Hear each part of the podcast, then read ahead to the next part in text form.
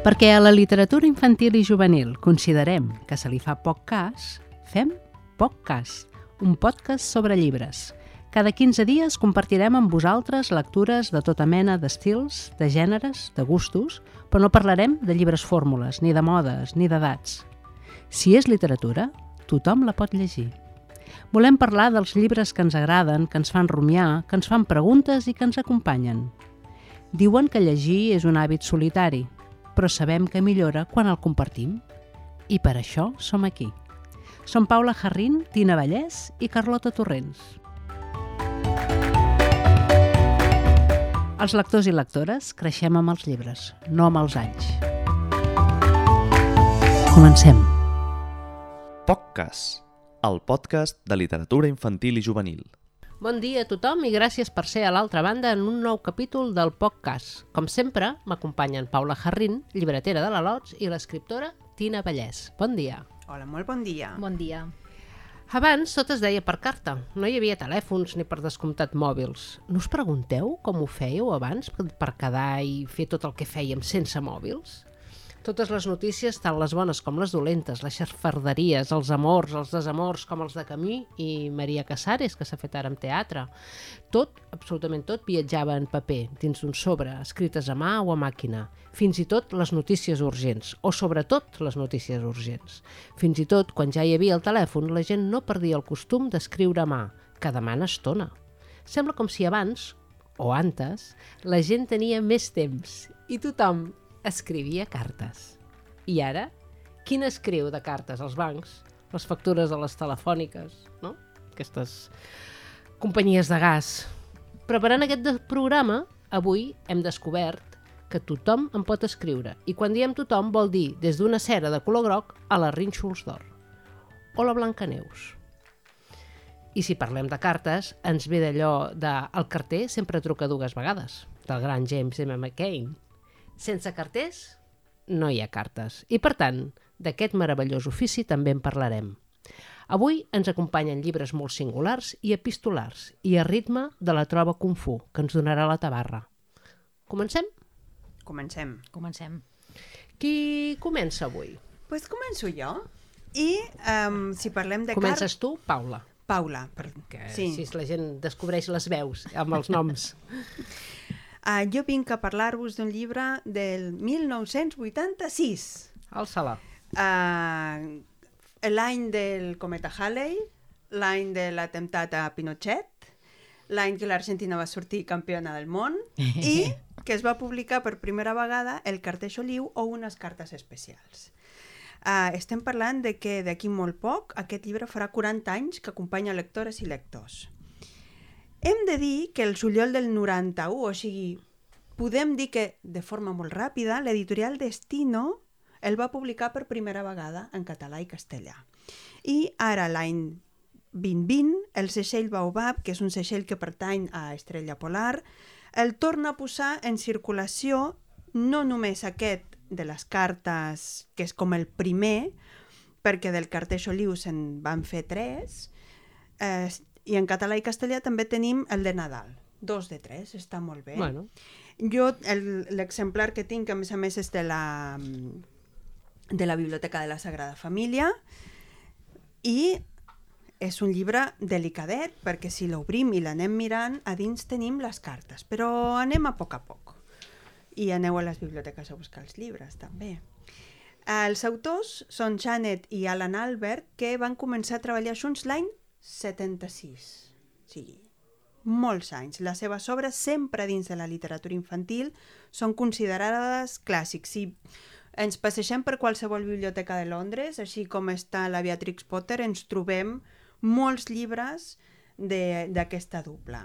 L'any 94 la Janet va morir, però uh, l'Alan, que encara és viu i és un senyor que té 86 anys, amunt o avall, uh, quan va morir la Janet, la seva filla, la Jessica, va agafar la feina d'il·lustrar i de continuar posant il·lustració a la feina del seu pare. I a més, ells dos um, en, quan mirem els copis, no és que diem, ai no, la Janet feia això i l'Alan feia allò. No, no, signaven junt. Janet i Alan Albert. Text i il·lustració. Sí. Um, I demano des d'aquí ja un àlbum que no està al nostre mercat, que és Pipo, que la Jessica és qui inspira aquest àlbum de, dels seus pares. I potser és aquest romanticisme. Però tornem a aquest Shirley Postman. És un carter feliç, encantat amb la seva feina, però hi ha una cosa que no sabem d'aquest porter. D'aquest porter no, carter. Perquè no és que es diu Xoliu. És el carter Xoliu, però no coneixem el seu nom. En tot l'àlbum sabem que hi ha damunt d'una bicicleta un carter xoliu que arriba a les muntanyes un bonic matí d'estiu. Punt.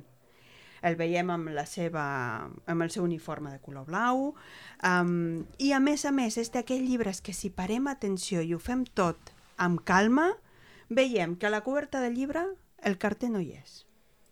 Estan tots els destinataris de les cartes, però el carter, fins la contracoberta, no el trobem. Clar, qui és el protagonista aquí? Les cartes o el carter? Pues una mica tot. Um, jo crec que els destinataris de les cartes són els que, a més a més, entren en aquest xoc literari de revisitar els clàssics, perquè en aquesta saca plena de cartes um, veiem que qui reben les cartes hi haurà un senyor i una senyora os que viuen a la vila dels Tres Ossos i si anem a buscar la carta, obrim, és un llibre objecte, perquè dins són les cartes, la primera l'escriu un, un infant molt petit. Deixa'm explicar que estem veient aquí el, el llibre, no sé si ha quedat clar, que és a cada és, pàgina és, és difícil. té un sobre a dins. Clar, és a dir, és, té la forma de sobre i de dins surten les cartes. surten les cartes. I s'ha de dir que per ser de biblioteca està molt ben tractat. Està super ben tractat. És que els usuaris de biblioteca, els lectors, són gent molt I les respectuosa. bibliotecàries, si cal, segur que faran eh, tots els esforços perquè no es perdi res, perquè a més a més no només hi ha cartes. En aquest cas, els, els ossos, els tres ossos, aquells de la Rinxulstor, són qui reben aquesta primera carta. Després, eh, hi haurà la segona carta, és la senyora o senyor, després descobrim que és una senyora, que ocupa la caseta de torró. Potser en català ens sonaria més la caseta de xocolata, Uh -huh. Sí. més que la caseta de torró, però és una bruixa i el carter entra a casa seu, però el té que l'ofereix la bruixa, per si de cas, no se'l pren. No sigui cas de que aquí passi alguna cosa. Un altre destinatari serà el senyor molt gros de la Casa Saltíssima, la seva altesa reial Ventafocs, sí? Aquí descobrim què passa amb la Ventafocs després de que se'n prova el saba la sabateta Ah, i ja és casada amb el príncep i l'envien per correu algo molt bonic que són unes galerades. Les galerades és, eh, diguem, el llibre abans de que entri a l'impremta i és el conte de la Ventafocs. que bo. Hi havia una vegada una noieta que es deia Ventafocs, Sí, que tenia Paula una acaba de madrastra treure un cruel. llibre, eh, de dins un sobre. De dins d'un sobre ha sortit el prelibri i fins i tot sabem que, que el que valdrà 3 euros amb IVA inclòs. Està bé. Però és perquè la Ventafocs acabi de, de, de donar l'ok de que tot està bé. Que la, se que la seva història Que està la ben... seva història està ben escrita, que no falta res ni que sobra res. És una biografia autoritzada. O sigui, Totalment. És el primer cas en què s'envia el llibre a la protagonista en lloc de l'autor, no? Sí. L'autor li fa arribar perquè vegi que no, no hi hagi cap malentès. I és meravellós perquè després també veurem un llop que està instal·lat en una cabana que no és la seva i le, eh, li diuen, aviam, maco, mm, has de sortir d'aquí. de desnonament, de, no? Desnonament. I acabem Que amb... són uns incompresos, els llops, pobrets. Pobrets. Però a més a més, en imatge descobrim que li encanta el vestit de l'àvia. I encara el du posat. Està encantat amb la còfia, amb, el, amb aquella camisa de dormir. Està en... El carter ja se'l comença a mirar amb cara de... "Mm, Aquí hi ha coses que no estan funcionant. I l'última carta és una carta que rep la Rinxulstor perquè és el seu aniversari i dins d'aquest sobre està la felicitació d'aniversari perquè és el dia que la Rínxols fa 8 anys, Sí, una postal, eh? una postal, que l'envien el patufet i el bou, Ai, Carai. i un bitllet perquè d'una lliura que és el regal d'aniversari. El patufet i el bou? Sí, li regalen una lliura. I en anglès també eren el patufet i el bou? No. Ah? No, O sigui, aquí la feina de la traducció, qui ho La- ha traduït? La feina de traducció anem a buscar-la, tot i que us recordem que sempre posem els noms Sí, de les sí, sí. traductores. Són dos traductors, espereu. Que aquesta traducció és de l'Antoni Vicenç i en Xavier Roca. Vale. És, devia ser de les primeres traduccions Han fet feina que han d'adaptació. fet feina d'adaptació perquè, clar, segurament sigui en Polset qui l'envia a la, a la Rínxols. Sí. I acabem quan, quan el carter acaba la seva feina diària i torna a casa per prendre el té. I al matí següent tornarà a començar la, la seva feina. Són d'aquells llibres que no s'acaben mai. I és una delícia acabar amb un, començar aquest programa amb un llibre que aviat farà 40 anys. I que són personatges de ficció que escriuen cartes a altres personatges de ficció. I a més a més no està um, ensucrada la història, Ja. sinó Mhm. que respecta els trets dels personatges de, nascuts de, de, la, de la tradició oral. El llop està amb, amb, amb la roba de la, de la iaia. La Ventafocs ens explica la seva història tal i com va ser, que la madrastra era dolenta i la sabata i el príncep. I crec que això té, té, té molt... A mi és un llibre que m'encanta. M'encanta descobrir amb els infants, m'encanta llegir en veu alta perquè, a més a més, t'hi pots estar... Bueno, no és per llegir-lo a la nit, és perquè si no, no acabaríem mai. Bueno, perquè és un llibre joc, una mica, no? Ah, sí, és un llibre amb, amb i- mecanismes, amb, amb aquestes sorpreses i és preciós. I les il·lustracions guarden aquesta cosa tan anglesa, tan clàssica, preciosíssima. Sí, el Janet i Alan Albert també tenim un parell de llibres publicats recentment a Babolinka, de Vila el lladre i Policies, i lladres, i lladres és una que són, meravella. a més a més, uns llibres super ben editats, amb, amb aquesta tapa de, que és com de tela. Uh, bueno, les il·lustracions a mi és que m'encanten, els lladres eh, aquests amb les- amb, amb el- amb l'antifàs aquest negre, Sí. clàssic, i vestits tots de ratlles. Um, això de, dels personatges de ficció um, m'ha fet recordar que a casa un dia vam rebre una carta de la Blancaneus. De la Blancaneus. Sí, sí. De la Blancaneus de Verdà. Sí. Bueno, vam, dic vam rebre, però no la vaig rebre jo, ni, ni... la va rebre la Mar, una de les meves filles, perquè vam anar al Montllibre, al festival aquest que en diuen el Sant Jordi dels nens, i hi havia una, com una paradeta on hi havia una senyora que deia que si volies escriure alguna carta a algun personatge de ficció, que aquell era el moment, i et donava un paper i un sobre, i, i tu li escrivies una carta i li podies fer les preguntes que volguessis. I la mare era molt petiteta i va dir, jo vull fer-li una pregunta a la Blancaneus. Ah, vale. I agafa el paper i escriu, sempre vesteixes igual? És molt important. És una pregunta És molt una pràctica. pregunta molt Que, pràctica. que defineix molt a la mar. I, I res, va fer el sobre i tal, i va enviar-ho, i allò que penses, ah, bueno, és bonic, però no penses que mai rebràs una resposta. I un dia, això, obrim la bústia, i hi havia un sobre a nom de la Mar. Bueno, la Blancaneu s'ha de dir que es va equivocar i va escriure Marc, cosa que a la Mar no li va sentar massa bé. Però bé, en tot cas, veieu en el sobre, eh, Blancaneu, llavors la Blancaneu li respon d'aquella manera a la pregunta, també us ho explicaré, i diu... Ma que no escrit, eh, la resposta. Escrita, escrita a I mà. està escrita a escrit a mà, mà. i diu... Avui porto un vestit de color blanc. Aquí tens un dibuix on també porto un cistell amb maduixes. Una abraçada, Blancaneus. Bueno, I la Mar va dir, no m'ha respost la pregunta. en tot cas, per això vaig dir, home, Mar, però valora que has rebut una carta de la Blancaneus. Bé, el tema del joc amb els llibres que dona molt de sí, no? I que a vegades, doncs això, amb una activitat d'aquest tipus en què el nen participa, després rebre, rebre aquesta carta i tot el, tot el joc que, que neix d'aquí... mm, No, i a més és no trencar aquesta màgia de la ficció. I que tota la màgia de la infantesa, bueno, molta part de la màgia de la infantesa passa per les cartes, no? Perquè tenim les cartes als reis, tenim, tenim el ratolinet o l'àngel de les dents, segons com, que també vas amb sobres amunt i avall amb dents. Vull dir que tot el tema epistolar té un, té un punt màgic.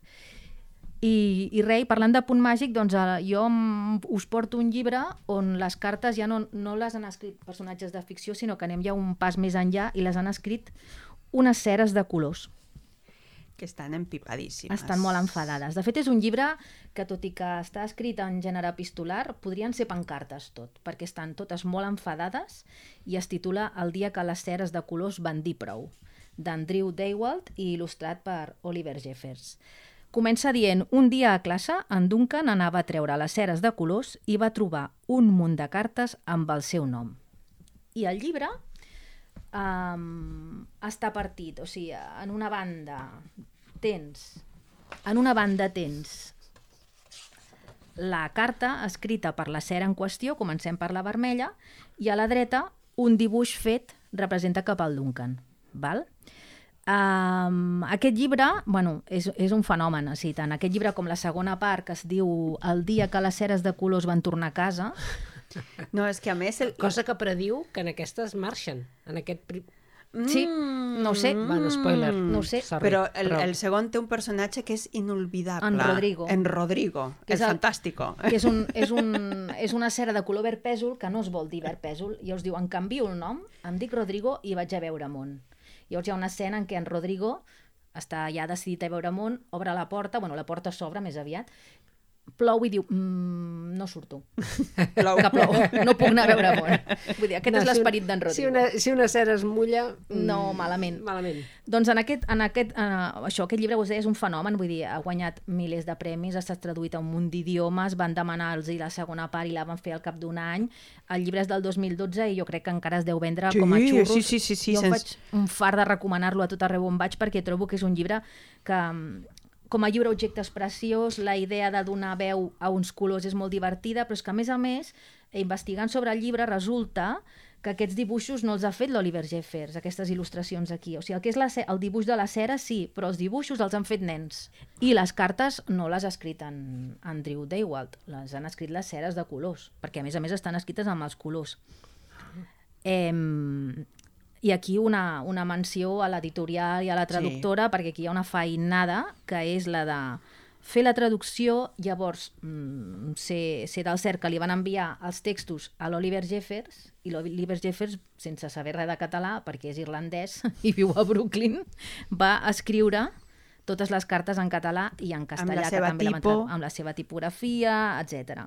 Llavors, de què estan enfadades aquestes ceres? Pues hi ha una cera, la vermella, per exemple, que diu que està molt farta de pintar Pares Noel. Hi haurà la grisa que dirà que està tipa de pintar animals enormes, no? Sempre pinta hipopòtams, elefants, balenes, i li diu, hosti, eh, els pingüins, quan són cadells, també són grisos, vull pintar coses petitetes. Um, hi ha una carta que m'encanta, que és la carta del color rosa, perquè diu, Duncan, bé, escolta, noi, no m'has utilitzat ni una sola vegada en el darrer any. És perquè penses que sóc un color de nenes, veritat? Parlant d'això, si plau, dóna-li les gràcies a la teva germana petita per haver-me utilitzat en el seu llibre La princesa preciosa. Crec que va fer una feina fabulosa. No va sortir ni una vegada de les línies. I ara tornem als nostres assumptes. Si plau, podries utilitzar-me de tant en tant per pintar un dinosaure rosa, un monstre o un vaquer? Déu sap que els aniria bé un toc de color. La teva amiga sense utilitzar la cera de color rosa. I automàticament a la pàgina següent ja tenim un monstre, un dinosaure i un, i un cowboy i un vaquer vestits de rosa. I també tenim la mostra del quadern de la germana on va pintar aquesta princesa la mar de bé. Després hi ha baralles entre ceres. La groga i la taronja estan barallades perquè totes dues volen ser el color, El color del, del sol, sol. I, i estan enfadades. I, de fet, és, la, és la, la cera de color verd que li diu ei, Duncan, que la groga i la taronja estan enfadades, si plau fes alguna cosa, que això és insuportable. La de color carn, en Duncan es veu que li ha tret el, la, la funda aquesta de, de paper que porten les. Són les ceres les crayola, aquelles típiques americanes. Eh, li ha tret la funda de paper i diu, estic dins la capsa perquè no puc sortir perquè clar, estic despullada. I llavors tens la il·lustració de la cera de color carn amb cara de vergonya dins la capsa i tot l'embolcall a terra tirat, no? I res, mil històries. Llavors, realment, en, la primera, en el primer llibre es veu que les històries estan molt més vinculades doncs, al, al significat de cada color i tal, però el segon ja és s'han desmadrat completament les històries, encara són més divertides. I són cartes de tot tipus. Eh, són, hi ha, al segon hi ha moltes postals, Sí. que és molt divertit, perquè clar, com que comencen a viatjar i a marxar, doncs n'hi ha una, per exemple, que es pensa que està a Girona i t'envia una postal que allò és Japó, i coses així, no? perquè no té ni idea de per on està passant. I, però en el primer doncs, són fulls arrencats, fulls amb ratlles, eh, la, la cera blanca escriu en un paper negre, eh, bé, etc.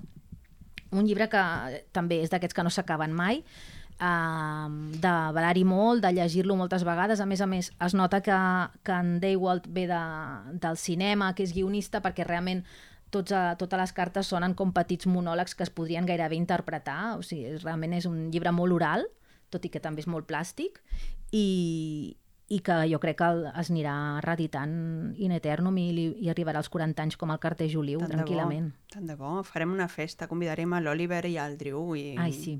ens encantaria. Ah, I després de les ceres passem a l'última carta. M'ha tocat a mi intentar dir el nom de l'autor, Antonis Papateodoulou, que és l'escriptor, i els dibuixos eh, fantàstics de la Iris Samartzi. Que Aquest és més fàcil, eh? El, el, el cognom de l'Iris és més fàcil, tots dos són grecs, i van guanyar a l'any 2016 el Premi Internacional Compostela per àlbums il·lustrats, que em, Calandraca és qui, qui ho publica, o sigui, també això ens parla d'aquest Premi Internacional Compostela de veritat, que es presenten autors i autores de tot arreu perquè el prestigi de- d'estar de, després publicats dins de Calandraca. Aquest llibre, a més a més, és molt, molt, molt bonic a partir de l'objecte, perquè té una sobrecoberta, el, el que té, la Tina en tenia un d'igual, eh, a vegades la sobrecoberta és algo que es pot perdre. El meu es va trencar perquè tenia com si fos una per, per tancar-lo, un, un cordillet. Ah. El cordillet sí que es va perdre, però tornem a tenir com a sobrecoberta la forma d'un sobre i dins l'obrim i surt el llibre. Fora hi ha el sobre, amb el, amb el ribatejadet blau de quan les, els, els antics sobres que posava per avión. Vi avión. Sí. A l'Argentina eren de color, en lloc de ser de color blau, eren de color vermell. Ah, bé, deu ser... no els devia agradar el vermell, massa, massa cridaner en aquesta coberta d'aquests colors tan serens. Però llavors a dins hi ha la, la forma com de postal o de segell, de segell. De segell, perquè Sí. si descobrim en, aquestes, en aquesta sobrecoberta hi ha dos segells, hi ha una que figura un poble i l'altra una figura humana, i si després anem a la coberta, el tornem, el, el tornem a, a trobar, i és el senyor Costas. El que és una meravella són les guardes, tant les inicials, on tenim tot un seguit de sobres tancats, però si anem a les finals, li donem tota la volta, descobrirem que hi ha sobres que han estat oberts. És que, és que de debò, eh? Hi ha il·lustradors i creadors... Bueno, és que el món de les cartes també en, a, a, en És la literatura plàstic. dona tant de joc. Però, a més a més, aquest llibre, o sigui, crec que la feina textual és molt bona, però la feina d'il·lustració de la Iris Amarchi ho depassa, perquè quan veiem i descobrim el senyor Costas i l'acompanyarem durant el seu últim dia de carter en una illa, veiem que el seu uniforme és un sobre d'aquests de via avió. O sigui, tot el treball d'il·lustració és un treball de collage. I aquí està aquesta sensibilitat. Si anem a, a veure el barret, veiem que es vislumbra un trosset d'un segell, Un el- codi de barres. un codi de barres, el bigotí, el bigoti del senyor, la butxaca també és un altre segell. Clar, té tantes coses amagades que el pots estar llegint a nivell d'imatges hores i hores.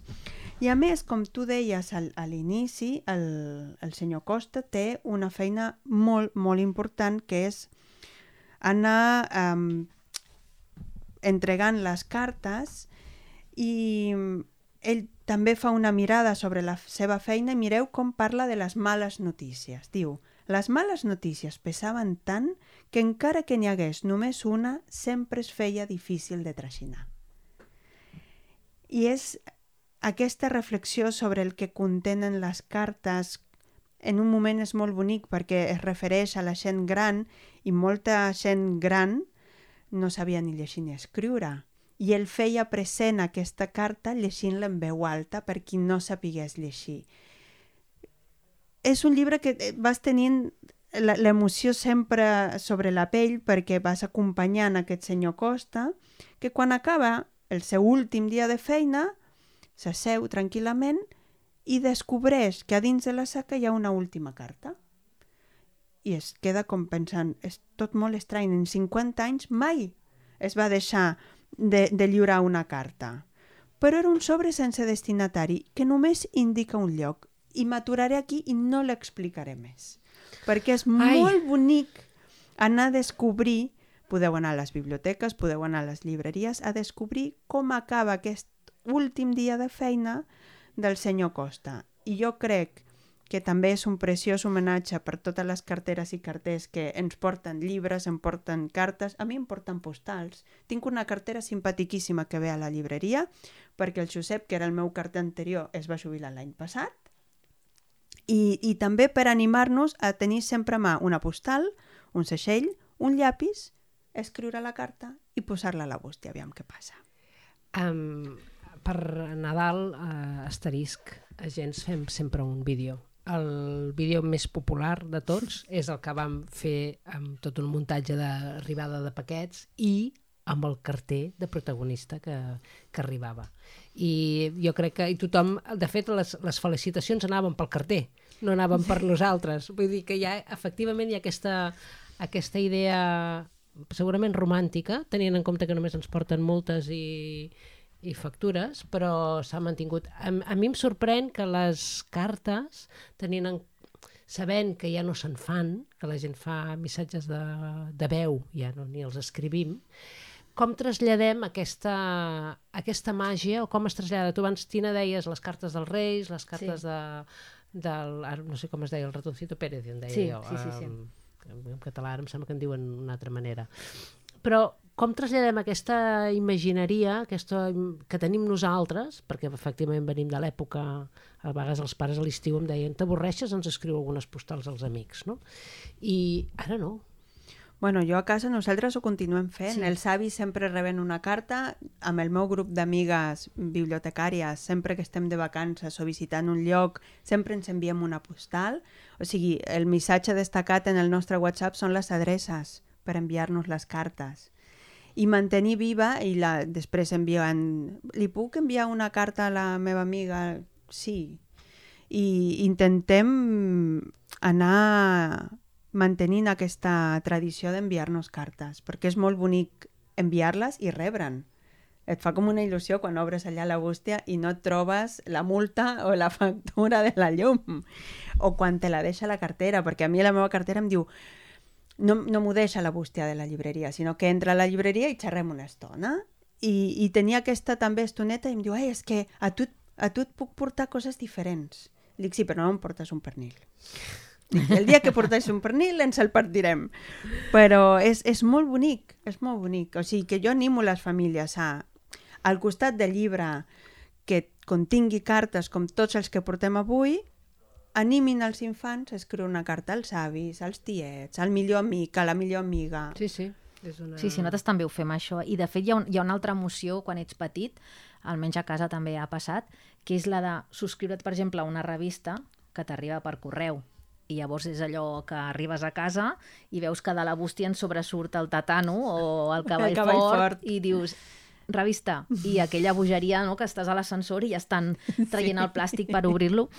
I, I tota aquesta màgia de, de la feina del carter trobo que en la literatura infantil i en el, en, el, en, en- un sentit més extens també en el teatre, en el cinema, té un paper, té un paper molt fort. No? Ara no fa gaire ha sortit un llibre que es diu El senyor Remeis, amb l'editorial La Topera, que també és la història d'un carter que de fet és el... O sigui, uh, és una història real que és el pare de l'autor, que també és l'editor, i ell li fa un llibre homenatge que es diu El senyor Remeis. Per què? Perquè a banda de ser carter fa això que diu la Paula, no? de parlar amb la gent a qui li porta les cartes i bueno, aprofito per dir que el nostre carter es diu Ricardo i que també hi xerrem perquè com que treballem a casa sempre ens hi troba i acabem parlant-hi. El nostre es diu José i és encantador. Um, però, in, perdoneu, insisteixo que em, fa, que em sorprèn perquè eh, les, les generacions han canviat tant i el, el món ha canviat tant que conservar aquesta màgia de la carta eh, eh, és xocant, perquè de fet un dels, de les dificultats que hi ha hagut en aquest programa era tallar, és a dir, eh, tallar la quantitat de llibres dels quals es podia haver arribat a parlar, ara tu mateixa Sí. n'has Sí, sí, sí. mencionat un que no, del qual no parlarem, eh, però, però que n'hi ha molts. No, I- I... d'aquesta temàtica podríem fer, si tenim temporada següent, a la següent temporada una altra tria de cartes. Sí. Però també perquè quan són més petits sí que passa tot pel paper escrit i per la, i, i per la cosa de, això d'escriure una postal, de rebre una postal, tot el que és rebre papers i no sé, ah- ahir això, buscant la carta aquesta de la Blancaneu famosa, vam obrir la caixa on tenien les cartes de quan eren petites, tenien infinitat de postals dels amics de, mira, quan no sé qui va anar a Alemanya, quan l'altre va anar no sé on. Vull dir que aquesta cosa, quan som més petits, sí que es fa. Després potser es perd una mica perquè, clar, és el moment que ja tenen el mòbil a les mans, la comunicació passa per una altra banda. Però no deixa de ser escriure's, també, d'alguna manera, no? O comunicar-se, que passa que és un altre suport i llavors ja no és aquesta cosa tan romàntica del paper. Però, però sí, sí, a, a casa això ho hem, ho, hem, ho hem fet molt i encara ens arriben això, cartes i postals i, i quan veus un sobre que no té cap logotip és com, oh, que bé. És a dir, que convidem a la gent a incentivar la correspondència tradicional. I, Tina, què ens portes? Doncs mira, teníem aquí el, el, el carter aquest grec que jubilava i ara jo us porto un nen que s'emancipa amb 9 anys. Em dic Nicolau, tinc 9 anys i m'acabo d'independitzar dels pares. I a més s'ha independitzat en una illa molt petita del Carib que és tan petita que no té ni nom i que s'acabarà dient Paidonèsia.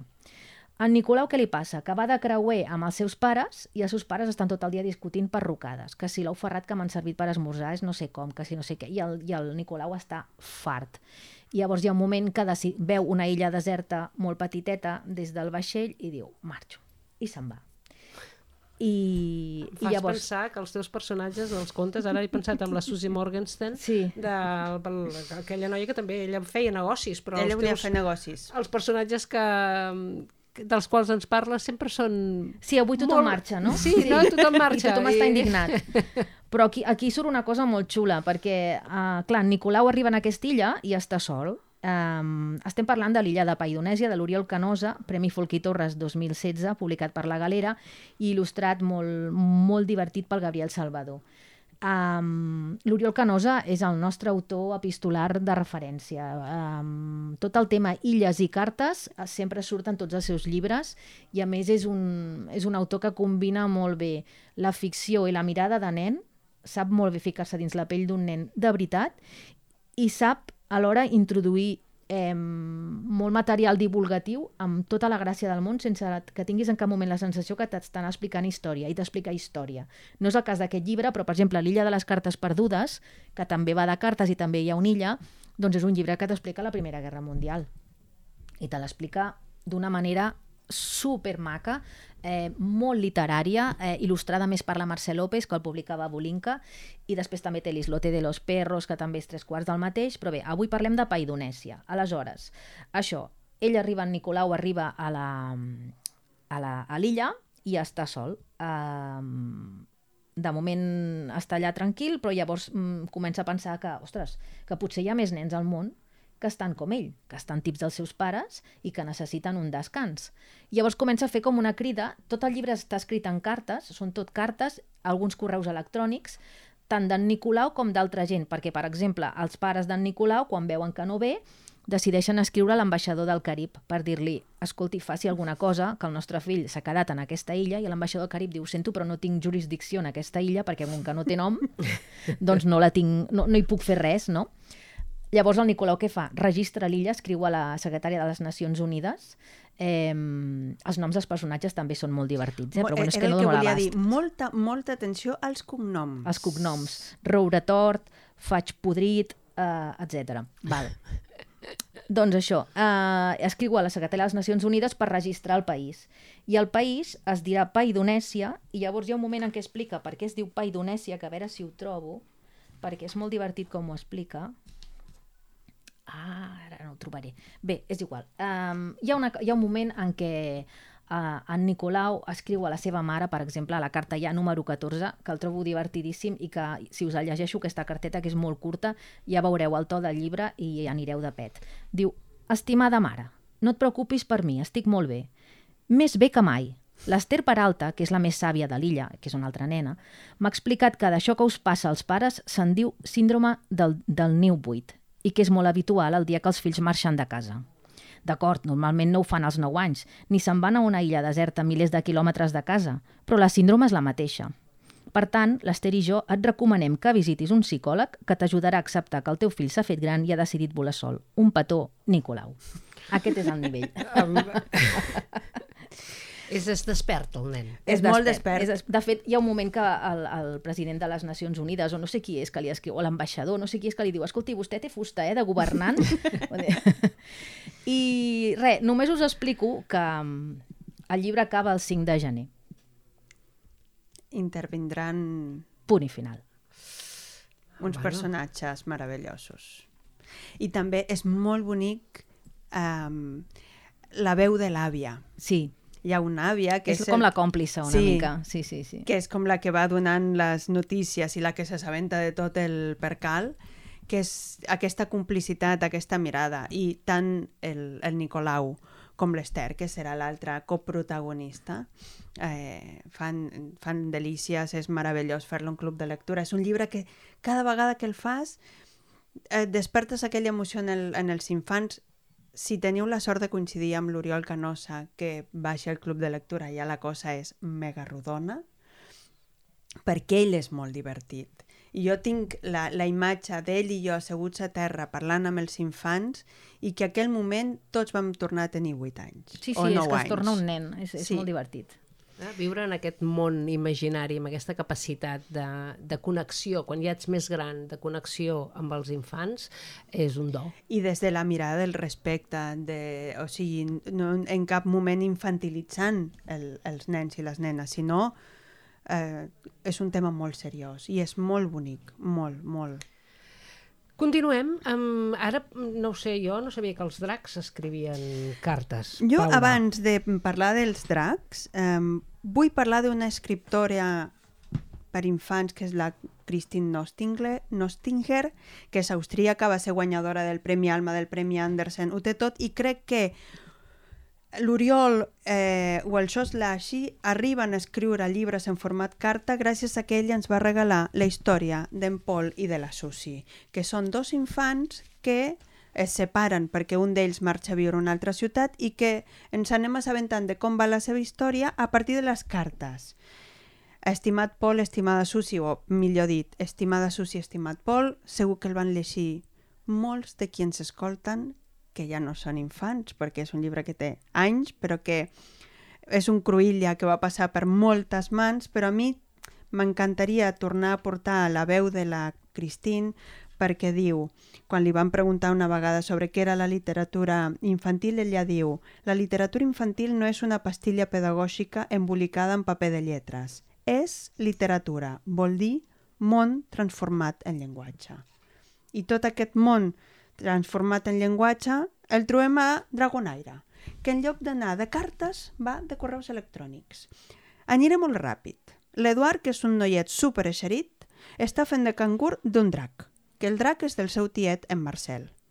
No està fent de cangur d'un gos, com jo aquests dies, està fent de cangur d'un drac. El tema és que es comencen a enviar correus electrònics el diumenge 31 de juliol perquè el, el Marcel li diu, sisplau, torna. Saps el que acaba de fer el drac? S'ha menjat el conill de la seva germana.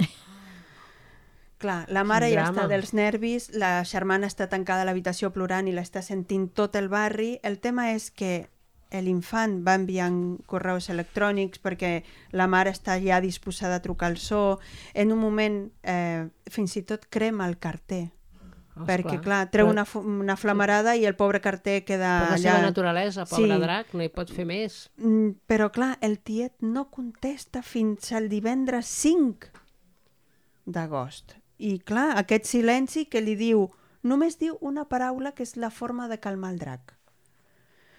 El tiet és un penques, però també té tot aquest nus. És un, a més, és un llibre molt curtet que es llegeix molt ràpid. Eh, la traducció és de Belolit i també aquí tenim molt xoc de llenguatge, de llengua molt ben adaptat. Passa molt ràpid, però també com aquesta suposada eh, comunicació ràpida pot no ser-ho. I aquí també està tot el xoc, perquè el tiet, ja us dic, trigarà 5 dies i el Marcel no és que no li envia, l'Eduard no és que no li envia mm, correus electrònics, perquè algun dia eh, més d'un, de dos i de tres.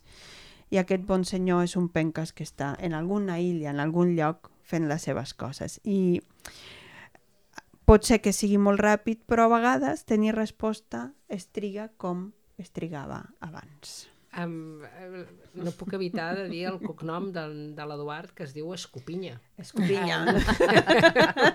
Això ha de tenir algun significat uh, uh, curiós, eh, que Josh Lassey, el- l'autor, devia pensar que Escopinya era un bon cognom. És un bon cognom.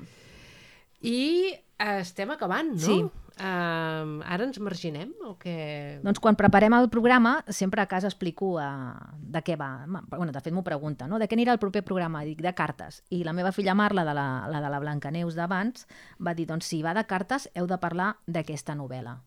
Bueno, ella té 14 anys, eh, que em recomani un llibre pel podcast, vaig dir, bueno, mm, Atenció. me'l vaig a mirar, aviam què, no? Aquest llibre es diu Els avantatges de ser un marginat, uh, de la Stephen Chbosky, o com es pronuncia això, traduït per la Marta Pere Cucuru- Cucurell, que acaba de guanyar el Premi Ciutat de Barcelona de Traducció, I que la felicitem des d'aquí, La felicitem molt molt. efusivament. Molt efusivament. i publicat per Sembra Llibres. Um, aquest, en Stephen Chbosky, uh, és guionista com en Daywald, i això es nota molt, com l'autor de les Ceres. Uh, ve del món del cinema, de fet, abans havia fet pel·lícules, i el 1999 va publicar aquesta primera novel·la, que va ser un èxit inesperat tant de públic com de crítica, i de fet és un, un fenomen gairebé de culte, fins al punt que hi ha el, aquest protagonista, en Charlie, que escriu unes cartes a algú que no sabem qui és, uh, diu moltes vegades que la seva cançó preferida és una cançó dels Smiths que es diu Asleep, i l'altre dia, que a casa som molt fans de Smiths, dic, Marc, jo no recordo com sona aquesta cançó. Diu, espera, que te la busco a YouTube. La van posar a YouTube i als comentaris de YouTube hi ha molta gent que s'adreça al Charlie dins els comentaris d'aquesta cançó. Charlie, llegit les teves cartes, jo també les he rebudes, no sé què. O sigui, gent parlant amb el Charlie a- per tot arreu. Si vas a Goodreads, és un llibre que és dels més ressenyats, que a veure, sembla que ha batut rècords també. Eh, és un llibre que va- d'aquells llibres que passen de mà a mà pels, entre els adolescents. I quina adolescència explica? Doncs l'adolescència de, de l'autor, que és nascut el 1970 a Pittsburgh i que, per tant, és nascut als 70 com nosaltres i que, per tant, quan jo l'obro i el començo a llegir, dic que està parlant de mi, perquè està parlant de, de fer casets als amics triant les cançons i escrivint els noms a mà, és tota aquella adolescència dels anys 90, però que connecta perfectament amb l'adolescència d'avui dia. Per tant, vol dir que quan escrius bé, eh, que el llibre tingui tants anys, no importa. Um, hi ha un moment uh, en què en Charlie, en aquestes cartes que escriu, on aprofita per explicar... O sigui, el Charlie, el que veiem és una mica la maduració del Charlie durant tot el seu primer any d'institut. Des del moment en què el seu millor amic, el Michael, s'ha suïcidat, fins que al final ell descobreix una cosa que el tenia atormentat i no sabia què era. I li posa nom i entén què li passa. És un nen eh, hipersensible, molt intel·ligent, que li agrada molt la música, la literatura, el cinema, que viu en una família modèlica, eh, que està bé, però que li han passat aquestes coses doncs, que el tenen sotreguejat i que, a més a més, doncs, està en plena adolescència. Um, és molt friqui, però aconsegueix fer-se amic de, de dos personatges meravellosos, que són germans, que són la Sam i en Patrick, que en Patrick és gay i la Sam és el seu amor platònic, que se l'estimen molt i que el cuiden com un germà petit i l'introdueixen al món adolescent. Introduir-lo al món adolescent vol dir que en, que en Charlie durant aquest any tastarà les drogues, eh, tindrà escenes de sexe. Llavors aquest llibre, mm, la Paula ens ho explicarà, ha estat bastant prohibit i censurat, sobretot als Estats Units i a molts altres països, A molts oi? altres països. Fa molts anys vam fer un club de lectura a la Biblioteca Tecla Sala i el fil conductor eren llibres prohibits. I vam llegir les avantatges de ser un marginat perquè no només als Estats Units, sinó també a Xina, a tots llocs on hi hagi règims autoritaris, va estar prohibit. No només per les... O sigui, alguns els prohibien per les drogues, pel tema del suïcidi, per aquest, aquest remor que té en Charlie que li ha de posar paraules. És, és una mica callar la veu dels adolescents. És aquest gros, llibre. eh? És molt gros. Sí, doncs aquest llibre això, són aquestes cartes que escriu en Charlie per explicar tot el que li passa, perquè algú li ha dit que si escriu eh, se sentirà millor i llavors ell tria aquesta persona que no sabem qui és. Um, vaig estar buscant informació sobre el llibre ahir i vaig anar a parar al blog d'una noia adolescent americana que el va llegir quan es va publicar als Estats Units, que va ser el 99, i deia, no sé a qui s'adreça aquest llibre, però jo tinc la sensació que me l'adrecen a mi. I és aquesta, mira, se'm posa la pell de gallina quan ho dic, és aquesta la sensació quan llegeixes el llibre, de que el Charlie t'està escrivint a tu, t'ho tu. està explicant a tu, no? i, i aquestes cartes les tira a la bústia, no? I llavors hi ha un moment en una carta en què explica la sensació aquesta de, no sé si us ha passat alguna vegada, escriure una carta una mica, ara potser és més correu electrònic, no? però escriure una carta difícil i en el moment en què fas enviar o en el moment en què la fiques a la bústia és com, bueno, ja està, Ja que està, passi el no que hagi ha de passar. retorn, No? però Doncs, eh, necessitava fer-ho. doncs clar, això en plena adolescència és, és bèstia, no? Eh, em, eh, ara ens llegeixes aquest tros, Sí. però pel que estàs explicant és el llibre ideal que eh, representa eh, el que l'ànima del podcast, que és que no hi ha edat pels llibres, perquè a mi em venen moltes ganes de llegir-lo. No, no, és que és... Eh, M'has obert gana lectora immediata i, i correré Te'l a la passo, biblioteca. te'l passo. Me'l passes, exacte, que has dit que passa demà. Ens el doncs passem, me'l sí, passes, home, te'l passo, te'l passo. Doncs això, hi ha un moment que diu això. Quan vaig arribar a Correus vaig tirar la carta a la bústia i vaig tenir una sensació de fet consumat i de calma. I llavors vaig començar a vomitar i no vaig parar de vomitar fins que va sortir el sol. O sigui, ja és com, "Oh, ja està, ja ho he fet, no? Um, tot el llibre és així, o sigui, és, és, és ell. Hi ha molts moments, mm, no còmics, però sí graciosos, tendres, alegres, bonics. És a dir, és un nen que li està, un noi que li estan passant coses grosses, com ens passen a tots en plena adolescència, però que té com un cor enorme i que té com un sentit de la supervivència també enorme. No, té una sensibilitat que té aquest protagonista. i hi ha molta literatura dins d'aquest llibre, perquè hi ha un professor, el professor Bill, que és el professor de literatura, que detecta que en Charlie té com una mena de sensibilitat especial i molt literària i que li va encolomant llibres per llegir i fent-li fer treballs i dient-li acadèmic, comentem els llibres i li fa llegir coses com Salinger, Kerouac, Thoreau, Scott Fitzgerald, Harper Lee, Um, I ell, a, a mesura que va llegint, va veient que ell vol fer això, ell vol escriure. No? Llavors, en Stephen Chomsky explica que aquesta novel·la, en el fons, és bastant autobiogràfica, que ell no li va passar tot el que li passa al personatge, però que sí que ell és com en Charlie, d'alguna manera. No? He de dir que aquesta, aquest, aquest llibre també se n'ha fet pel·lícula, eh, m'hi surt l'Emma Watson, la nostra estimada Hermione, però, si us plau, eh, llegiu primer el llibre i després aneu a veure la pel·lícula. Comenceu pel llibre. Va anar mirant les cartes amb indolència i va obrir un parell de sobres quan li va interessar els remitents. Una carta amb lletra desconeguda i que semblava massa voluminosa la va deixar de moment a un costat. Mentrestant, el te era servit i va seure còmodament a la butaca. Encara va fullejar un cop més el diari i alguns impresos. Després va encendre un cigar i aleshores va agafar la carta que havia apartat. Eren una dotzena de fulls escrits amb presses, amb una lletra femenina, neguitosa i desconeguda, que més aviat semblaven un manuscrit que no pas una carta. Encara va palpar una vegada més el sobre instintivament per si hi havia quedat alguna nota explicativa. Però era buit, i ni el sobre ni els fulls no duien cap adreça del remitent ni cap signatura. Que estrany, va pensar, i va tornar a agafar la carta. A tu, que mai no m'has conegut. Era el que hi havia escrit com a encapçalament, com a títol. Sorprès, es va deturar. Es referia a ell o a una persona imaginària? De sobte se li va despertar la curiositat i va començar a llegir. Carta a una desconeguda de Stephen Zweig.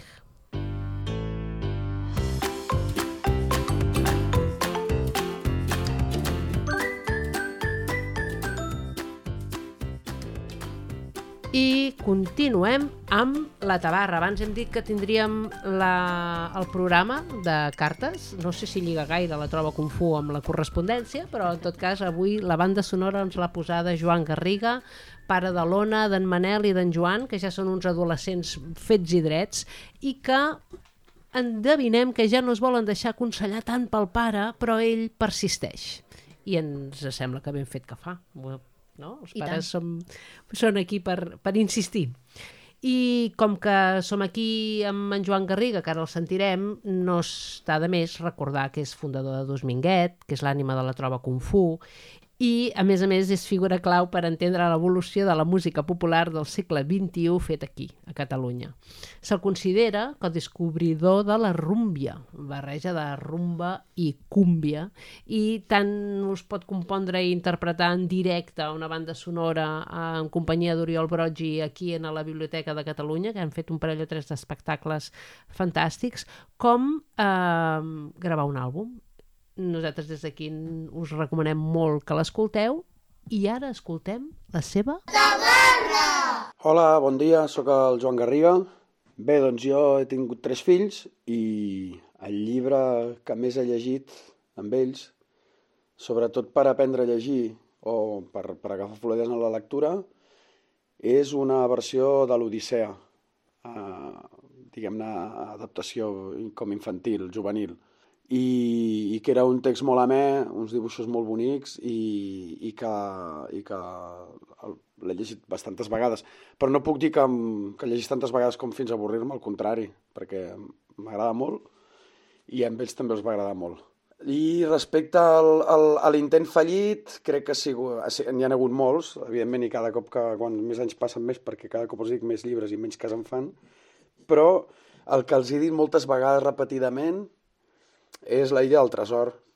Doncs eh, què us ha semblat la tabarra d'en Joan amb els seus fills? Home, això de l'Odissea està bé, no? Eh, a vegades, doncs, tendim els del gremi a, a dir pestes de les adaptacions de segons quins clàssics, però la veritat és que moltes vegades aquest, aquestes adaptacions aconsegueixen que almenys els tastin i després algun dia vagin a petar a, a l'original, no? Per tant, benvinguts siguin, i més si són, són llegits per un adult, no? I, i, i gaudits perquè diu que ell no se'n va cansar mai, no?, de llegir-ho. I el de l'illa del tresor, doncs, bueno, era d'esperar, no? Que costa, jo crec que al segle XXI llegir l'illa del tresor eh, has de venir amb un bagatge al darrere bastant potent per entrar-hi, i sap molt passat, greu. Li ha passat el temps en aquest llibre, Sí. oi? Sí, necessita la companyia, la veu, la, la força, el que tu t'emocionis mentre l'estiguis llegint. Potser eh, és la forma més directa de que arribi a les mans dels lectores i les lectores de mida petita.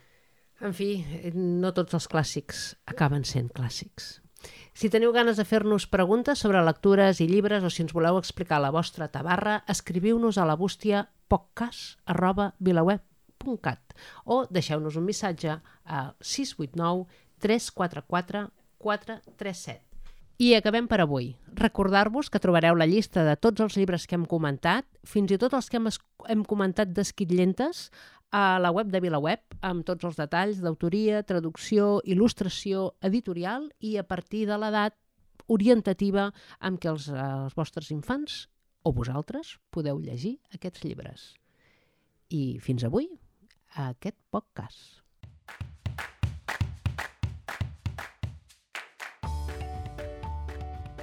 I per avui ja hem fet prou podcast. Aquest programa es fa gràcies a en Carles Garcia, al control tècnic, en Xavi Simó, que ens fa el cartellet a cada programa, l'Enric Galli, el nostre community manager, i el suport de VilaWeb, que ens acull a casa seva.